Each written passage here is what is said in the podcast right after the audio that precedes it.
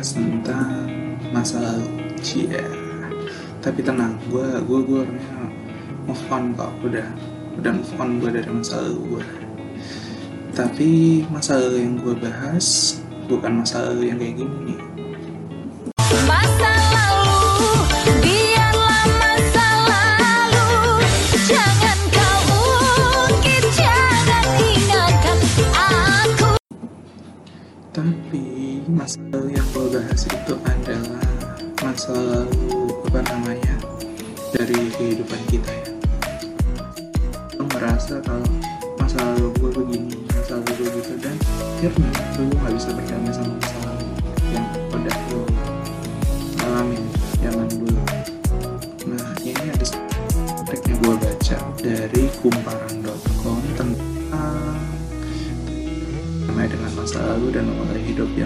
Bahagia.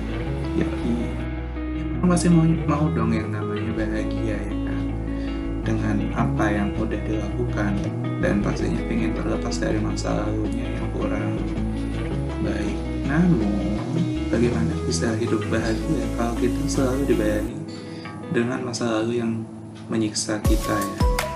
Contohnya kayak lupain kenangan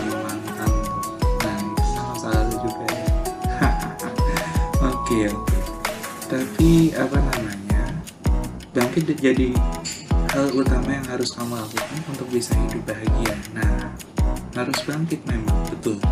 Tapi jangan bangkit dari kubur ya. Kalau bangkit dari kubur nanti serem.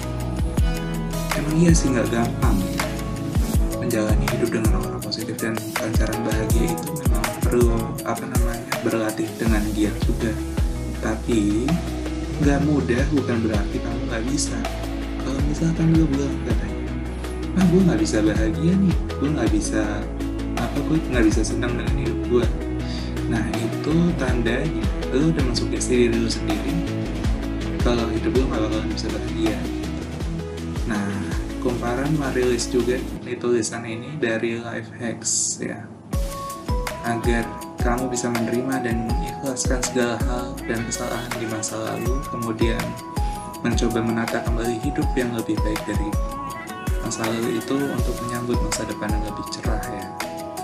Kalau katanya Habibie itu, masa depan itu milik kita. Jadi istilahnya apa? Maksudnya apa? masa depan itu walaupun masa lalu kita udah jelek tapi kita punya masa depan yang harus kita bangun biar ke depannya kita bisa jadi lebih baik lagi ke depannya. Nah yang pertama nih biar kita hidup bahagia dan bisa move on dari masa lalu itu kita harus melepaskan emosi emosi kita ya. Tapi bukan lepaskan yang satu ini. Karena kalau lepaskan yang satu ini nantinya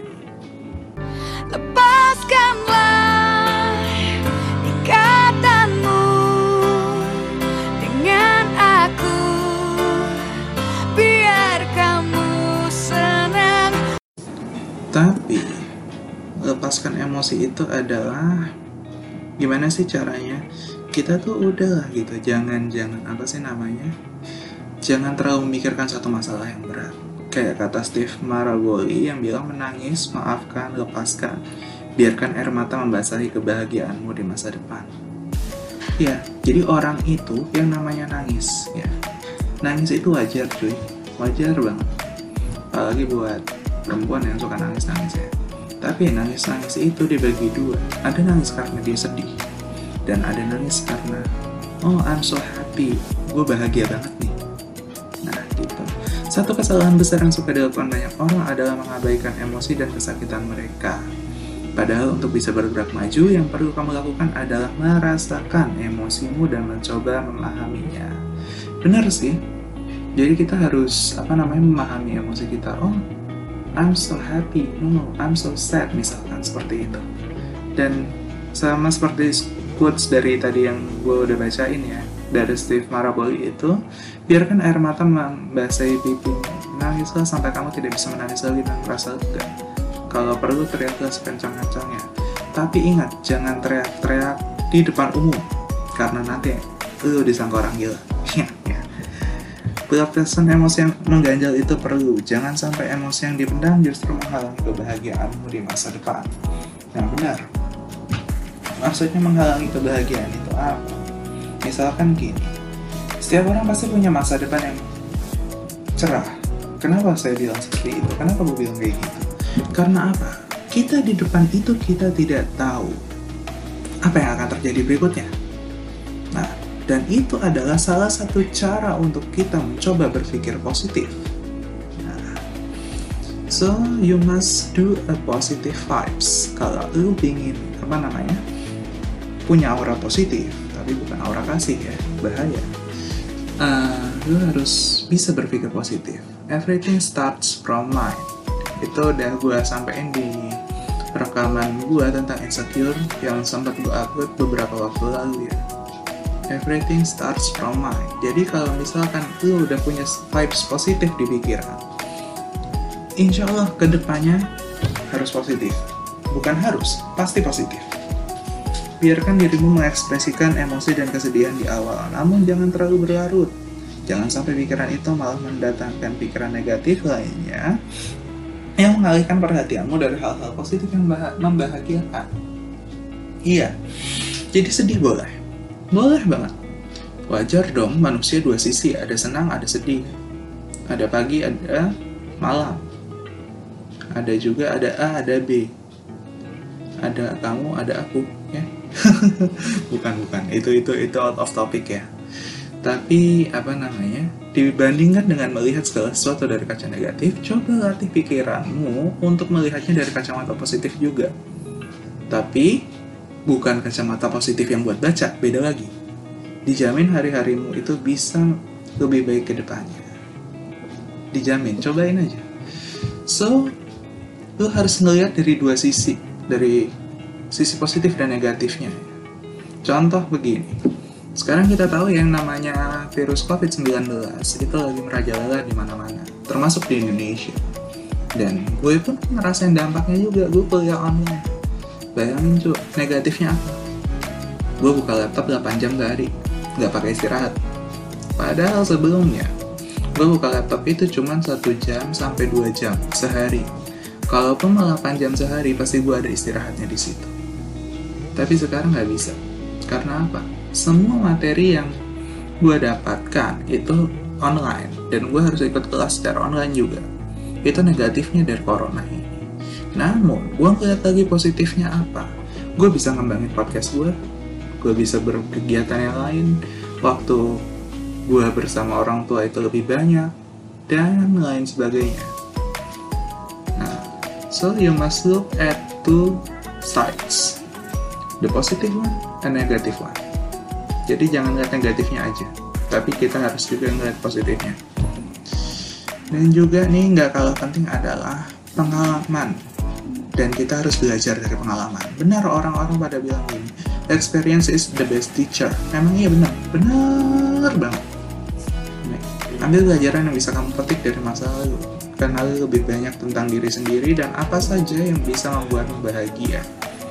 Dengan mencari tahu sumber kebahagiaan dirimu, kamu bisa mulai mengisi hari-harimu dengan kegiatan-kegiatan baik tersebut. Tinggalkan pula lingkungan toksik yang selalu membuatmu selalu terpuruk, berpikiran negatif, bahkan merasa bersalah secara terus-menerus. Benar sih. Jadi dari masa lalu kita, kita harus mengambil pelajaran. Karena gue, gue sempat ngomong gini, kemarin di rekaman gue yang masalah insecure ini ini berkesinambungan ternyata apa namanya kita harus tahu oh skill kita di mana apa sih yang bisa bikin kita seneng untuk apa? Menciptakan positive vibes tadi di pikiran dan juga bisa apa namanya melatih kita biar berpikir positif. Contoh begini. Gue seneng bicara begini bikin bikin bikin podcast. Kemudian gue senang juga gue ngadepin mikrofon gue ngomong di situ mengekspresikan diri gue itu gue suka banget. Dan kita harus apa ya mencari sumber kebahagiaan dari diri kita. Gimana caranya? Ya contoh tadi gue gue, gue bahagia dengan apa yang gue lakukan gitu. Mungkin banyak orang yang oh I'm so happy if I have a lot of food misalkan. Kalau gue punya makanan banyak atau oh gue seneng seneng gue gue seneng dagang. Oke dagang lah lagi corona gini banyak yang perlu makan memang. Dan kita bisa jadi supplier kok kita bisa jadi penyuplai pemasok gitu. Kemudian juga nih kita jangan pernah atau kalau yang suka menyalahkan diri sendiri lebih baik di stop deh. Karena apa? Kalau lu memosisikan diri lu sebagai korban atas sebuah kejadian itu bisa jadi trauma dan ujungnya apa? Tidak bisa menciptakan positive vibes yang gue bilang tadi gitu kenangan-kenangan buruk yang sedang kamu coba untuk berdamai misalkan.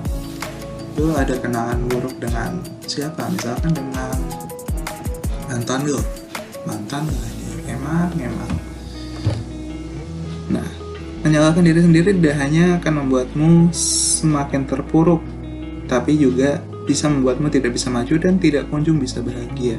Benar. Jangan pernah menyalahkan diri sendiri. Toh juga yang udah terjadi ya udah gitu ambil pelajarannya dan jangan pernah lakukan lagi di masa depan kamu punya kendali kok atas hidupmu sendiri dan kamu berhak egois demi kebahagiaanmu juga. Jangan hanya terus menyalahkan diri sendiri. Betul. Jadi orang-orang yang maaf nih yang kadang-kadang oh lu lu seneng gue ikut seneng nih ya nggak apa-apa tapi kalau misalkan apa namanya kita contoh begini ya apa namanya kita harus kan tadi dibilang katanya berhak egois demi kebahagiaanmu juga. Misalkan kamu punya makanan nih makanan apa? Donat misalnya nah donat itu hmm, mau diminta sama temen yang ada di sebelah lu misalkan lu lagi berdua sama temen eh cuy minta donatnya dong gua lapar nih kalau lu ngerasa lu kebahagiaan lu hilang dengan lu memberikan donat itu lebih baik nggak usah dikasih sedikit aja jangan jangan terlalu egois juga itu itu nggak bagus kemudian Jangan pernah menunggu permintaan maaf. Jadilah orang yang pemaaf. Jujur, enak cuy jadi orang pemaaf itu. Pikiran lu tenang. Pelajaran yang terbaik bisa kamu petik dari hidup adalah memaafkan dan melupakan. Benar. Kayak katanya apa namanya Oprah Winfrey ini Oprah yang punya acara talk show salah satu acara talk show ternama di US pernah bilang begini Pengampunan sejati adalah kamu bisa mengatakan terima kasih atas pengalamannya. Tuh. Jujur, hidup ini pengalaman cuy. Kenapa gue bilang begitu? Karena lo belajar banyak tentang hidup. Dan kalau katanya di sini lagi nih, daripada menunggu dia, maksudnya orang lain meminta maaf dan berujung menjadi dendam yang membebani, lebih baik lepaskan dan maafkan. Jadilah seorang yang pemaaf. Dan for your information, seluruh sifat manusia yang ada dalam diri manusia yang baik, yang baiknya ya. Karena manusia itu kan dibagi jadi dua, ada baik dan ada buruk ya. Yang baiknya itu berasal semua dari Tuhan. Berasal semua dari Allah Subhanahu wa taala. Kok gitu? Lihat, kita ambil contoh. Let's say begini. Sering dong orang-orang pada bilang, oh aku sayang kamu oh aku mengasihi kamu oh aku adalah rajanya nah di situ ada sifat Allah di situ 99 asmaul husna. Itu tadi tiga yang gue sebutin itu ada ar-Rahman yang maha pengasih. Kita men kan tadi gue bilang aku mengasihimu nah pengasih itu adalah salah satu sifat Allah salah satu nama Allah. Kemudian aku sayang sama kamu. Itu penyayang adalah sumbernya dari Allah juga dari Asmaul Husna juga. Tapi kalau yang buruk itu sumbernya dari makhluk yang bernama syaitan laknatullah alaih gitu dan juga di sini kita harus fokus untuk terus bergerak maju dan melupakannya. Menunggu permintaan maaf dari seseorang hanya akan membuang waktu saja. Benar. Dan jadilah orang yang bermaaf. Yang jadilah orang yang pemaaf. kemudian juga kita harus mengeksplorasi tapi jangan eksplorasi yang sembarangan karena kebahagiaanmu lah yang pantas kamu eksplorasi. Pergi keluar dan eksplor setiap kegiatan yang dapat membuatmu bahagia. Jangan takut mengambil resiko saat mulai sesuatu. Memahami dirimu lebih dalam dan akan bisa membuat hidupmu lebih bahagia. Benar sih karena kita lebih kenal diri kita dan kita akan apa ya lebih mudah gitu loh untuk apa menemukan mana sih comfort zone gue titik nyaman gue di mana gitu kemudian juga yang paling penting lupakan masa lalu dan hidup saat ini. Ucap ucapan hiduplah untuk saat ini bukanlah bualan semata. Itu merupakan makna tersirat jika hidup memang dijalani saat ini bukan di masa lalu. Benar sih. Jadi istilahnya yang lalu biarlah berlalu. Lupain aja. Ambil pelajarannya kalau buruk yang baik diingat-ingat. Jangan pernah tinggalkan. Selama itu baik untuk apa? Masa kini dan masa depan yang cemerlang.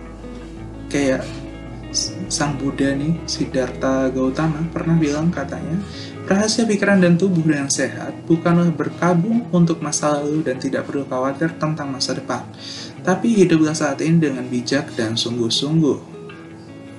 Jadi apa pun alasan yang terjadi, jangan pernah menengok ke belakang lagi. Kubur dalam-dalam masa lalumu, berdamai, ambil hikmahnya, dan mulai membangun hidup yang lebih damai, tentram, dan membahagiakan.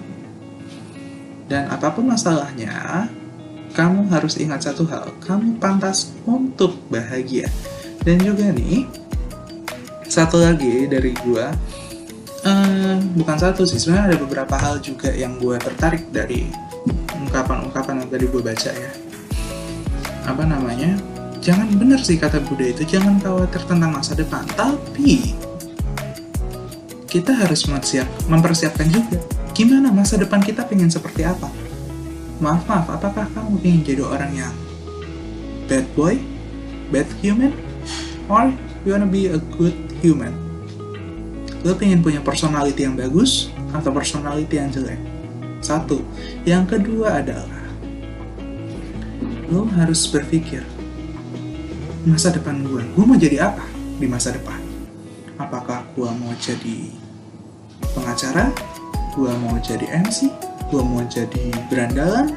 Itu semua ada di tangan lo. Karena tadi gue bilang apa? Setiap manusia itu punya yang namanya kendali untuk dirinya sendiri, untuk hidupnya sendiri. Dan juga satu yang paling penting adalah teruslah bersyukur atas apa yang telah dikasih sama Tuhan ke kita, sama Allah ke kita. Karena gini cuy, kalau lu ngerasa apa namanya, gue nggak tentrem nih hati gue, gue nggak nyaman dengan diri gue, gue gagal move on, ya nggak bisa move on ya kan. Coba deh, gue pikirin. Misalkan gini, gue gue ngambil dari mantannya dia. Emang mantan ini ngeselin uh, kalau lo dibilang aku tidak bisa move on dari mantanku. Aku masih sayang sama dia. Coba kamu pikirin. Kalau misalkan you masih sama your ex you're still with your ex girlfriend or boyfriend misalkan. Kalau dia cutek sama lu dia nggak sayang sama lu apakah lu nyaman dan lu bahagia dengan dia? Terus ada yang bilang oh yeah, gua I'm so happy. I'm, I love him so much. I love her so much. Yeah, your tongue can say anything, your mouth can say anything, but ask and listen to your heart. Kayak lagu ini.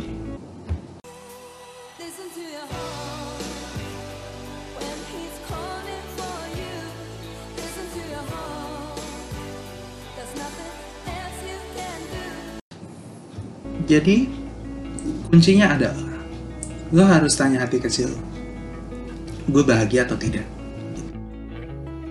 Karena apa? Kebahagiaan itu yang paling penting dari setiap manusia.